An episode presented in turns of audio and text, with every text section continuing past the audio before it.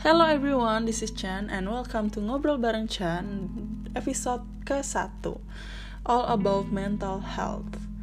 So, ini adalah awal mula terjadinya Ngobrol Bareng Chan ini Karena sebenarnya waktu itu gue kelepasan curhat di Instagram Because I am so tired. Semua orang curhat ke gue Tapi gue nggak punya orang yang bisa gue curhatin So, gue tumpahin semua di Instagram dan gue nggak nyangka dapat begitu banyak emotional support dari teman-teman semua. Dan it means a lot to me. I don't know how to thank you all. It saves my life really. Thank you so much for that. Uh, jadi hari ini gue mau ngomongin tentang mental health. Awalnya gue kenapa dan kenapa gue bisa memutuskan ke psikolog dan mengetahui semua ini dan akhirnya bisa share di sini ke kalian semua. So awalnya gini, um, my mental health journey mulai keganggu itu di SMA.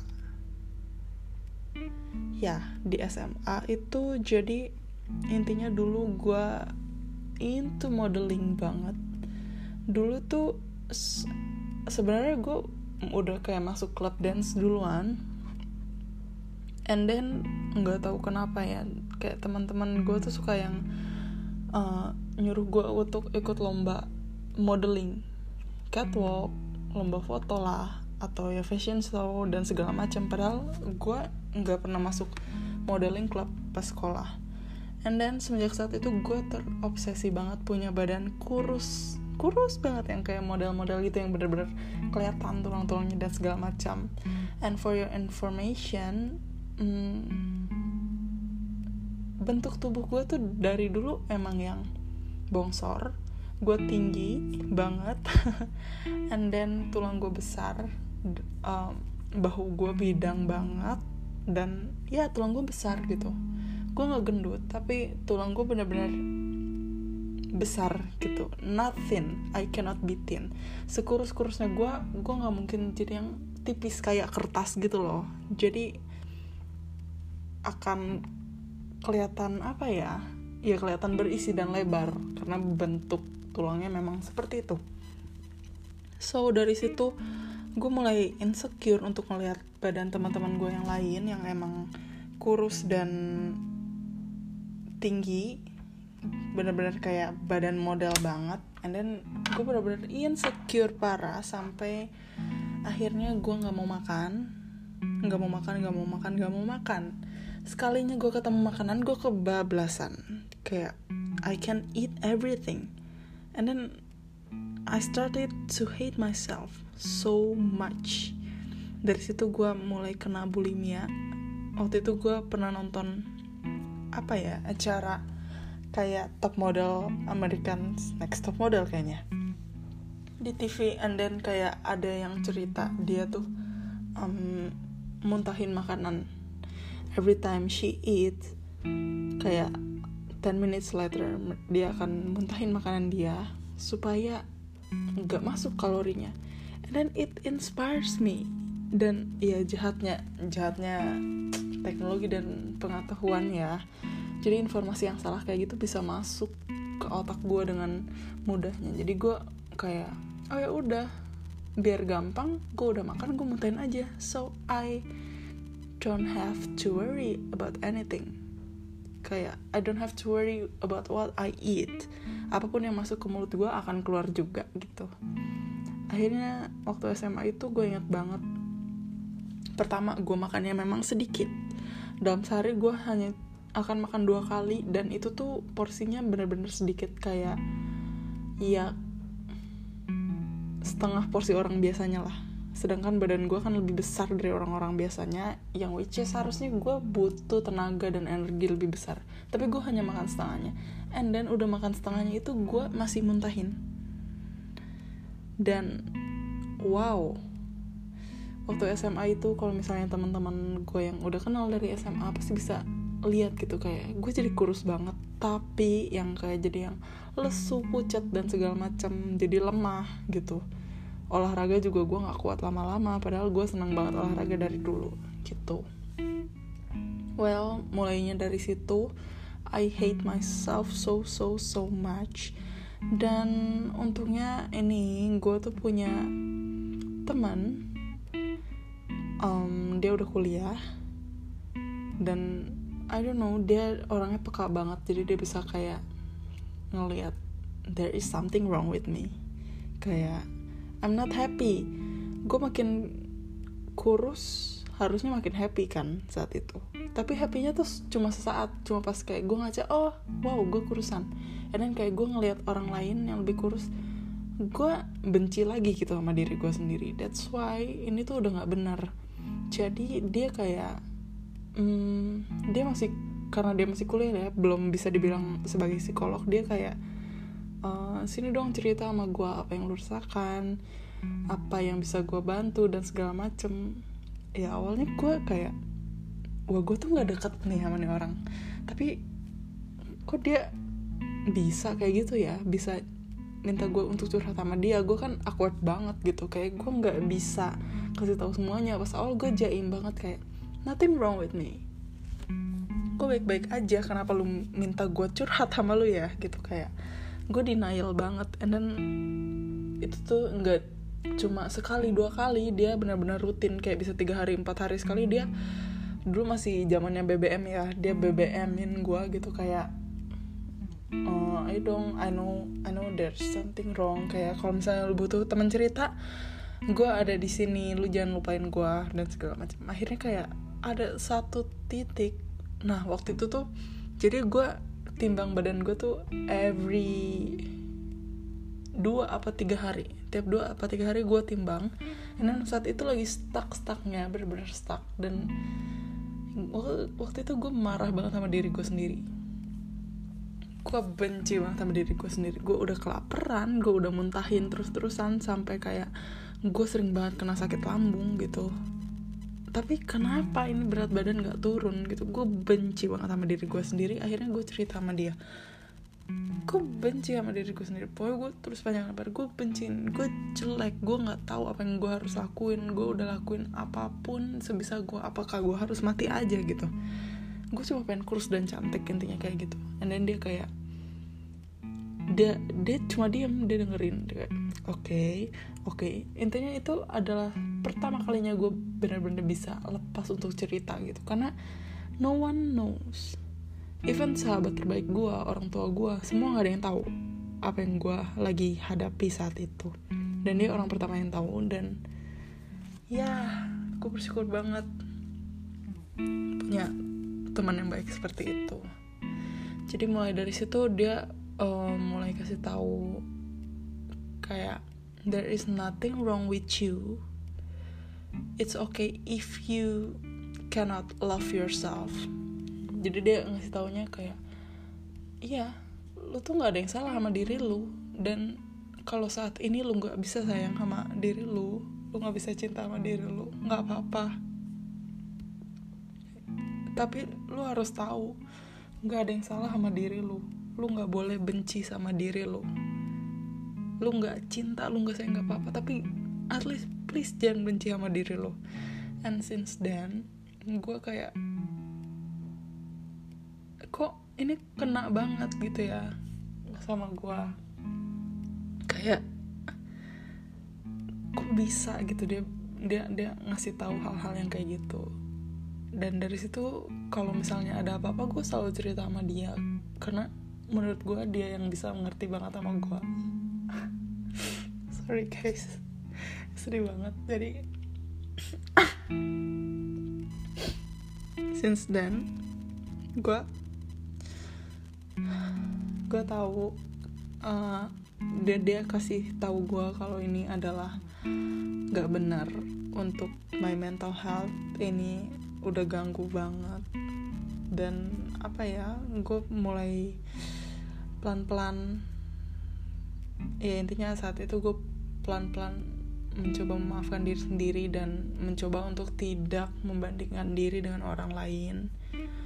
Um, satu bulan sejak gue cerita sama dia itu gue udah mulai bisa makan without muntahin. Gue bisa makan biarpun masih porsinya masih sedikit tapi gue nggak muntahin. Gue berusaha menghilangkan kebencian gue sama makanan. Itu itu awal mulanya banget. And then uh, kuliah masa-masa kuliah gue ya not really great but nggak menakutkan juga. So I am I am able to handle all of that gitu. Kayak pas kuliah juga gue uh, apa ya untungnya gue udah punya hobi kan. Jadi kayak gue bisa menyalurkan segala emosi gue lewat hobi gue and then pas pas kerja mulai lagi nih depresinya.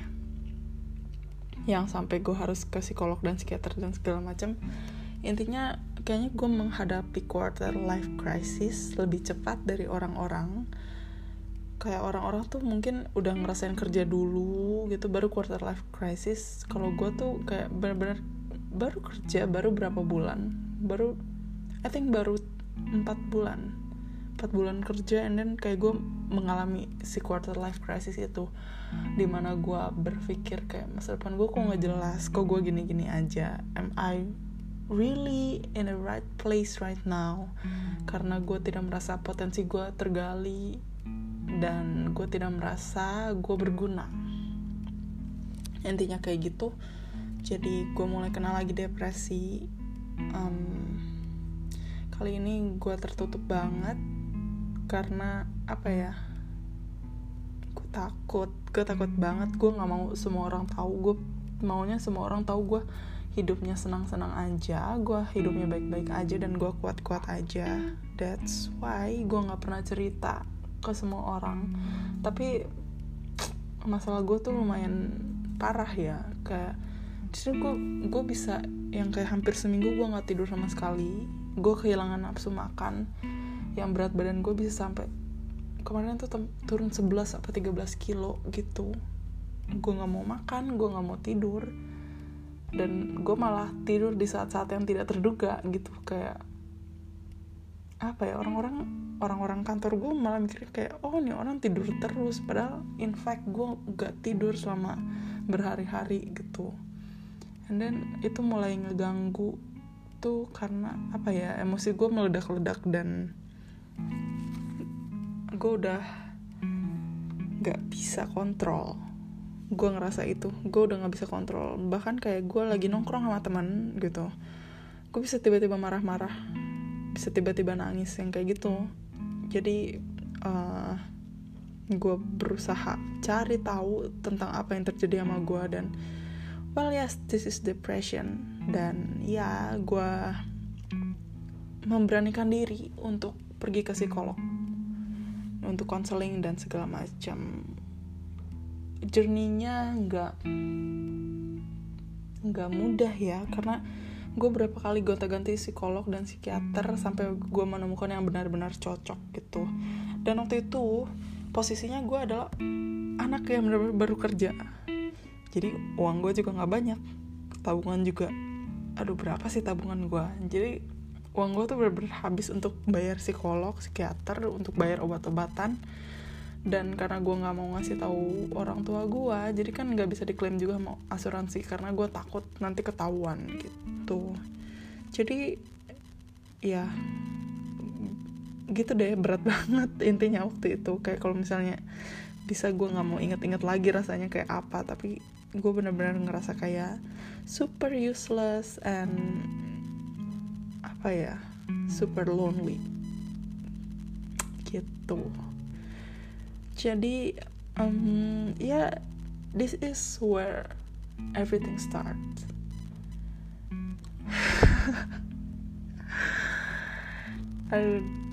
Apa ya every time I talk about it kayak gue masih ada ngerasa bekas lukanya kayak I can still touch the scars gitu. Biarpun sebenarnya udah hilang maksudnya udah berlalu tapi gue masih ngerasa kayak it was just like yesterday. Sakitnya di mana gue inget banget kayak gue nangis nangisnya dan segala macam gitu. I just don't know that I have the strength to through everything. Ini tuh ini tuh buat gue perjalanan yang amazing karena karena gue gak yakin semua orang bisa ngelaluin ini gitu. Dan gue gue bisa ngelaluin ini. Dan ya gue bersyukur banget dikasih pelajaran kayak gini. Because it is made me stronger. Stronger than ever. Jadi itulah awalnya kenapa gue uh, maksudnya journey my mental health journey dari awal kena sampai hari ini jujur sampai hari ini masih gue masih berapa kali ke psikolog dan sebagainya karena again depresi kan bisa menyerang siapa aja bisa menyerang di saat-saat yang tidak terduga gitu. Apalagi kalau misalnya kita ke trigger sama something ya bisa lah jadi seperti itu. Um, oke okay, so that is for my first podcast. Curhatan gua uh, awalnya. Kenapa bisa kena mental health issue? And then di episode selanjutnya gue akan bahas tentang konseling dan pengobatan dari mental health ini. So I hope you guys enjoy. Well this one is not really happy. This episode is not really entertaining but thank you banget udah ngedengerin. Um, ya satu aja sih pesan gue selalu baik selalu bersikap baik selalu selalu baik deh sama semua orang karena kita nggak tahu apa yang orang itu lakuin kita nggak tahu apa yang orang itu lagi alamin dan lagi lagi struggle jadi jangan nambah beban hidup orang udah bersikap baik aja because it makes you happy and it can ease the pain of anyone that is struggling. Oke, okay, well, ngobrol bareng Chan episode 1 mental health is done. Thank you everyone for listening. See you on the next episode.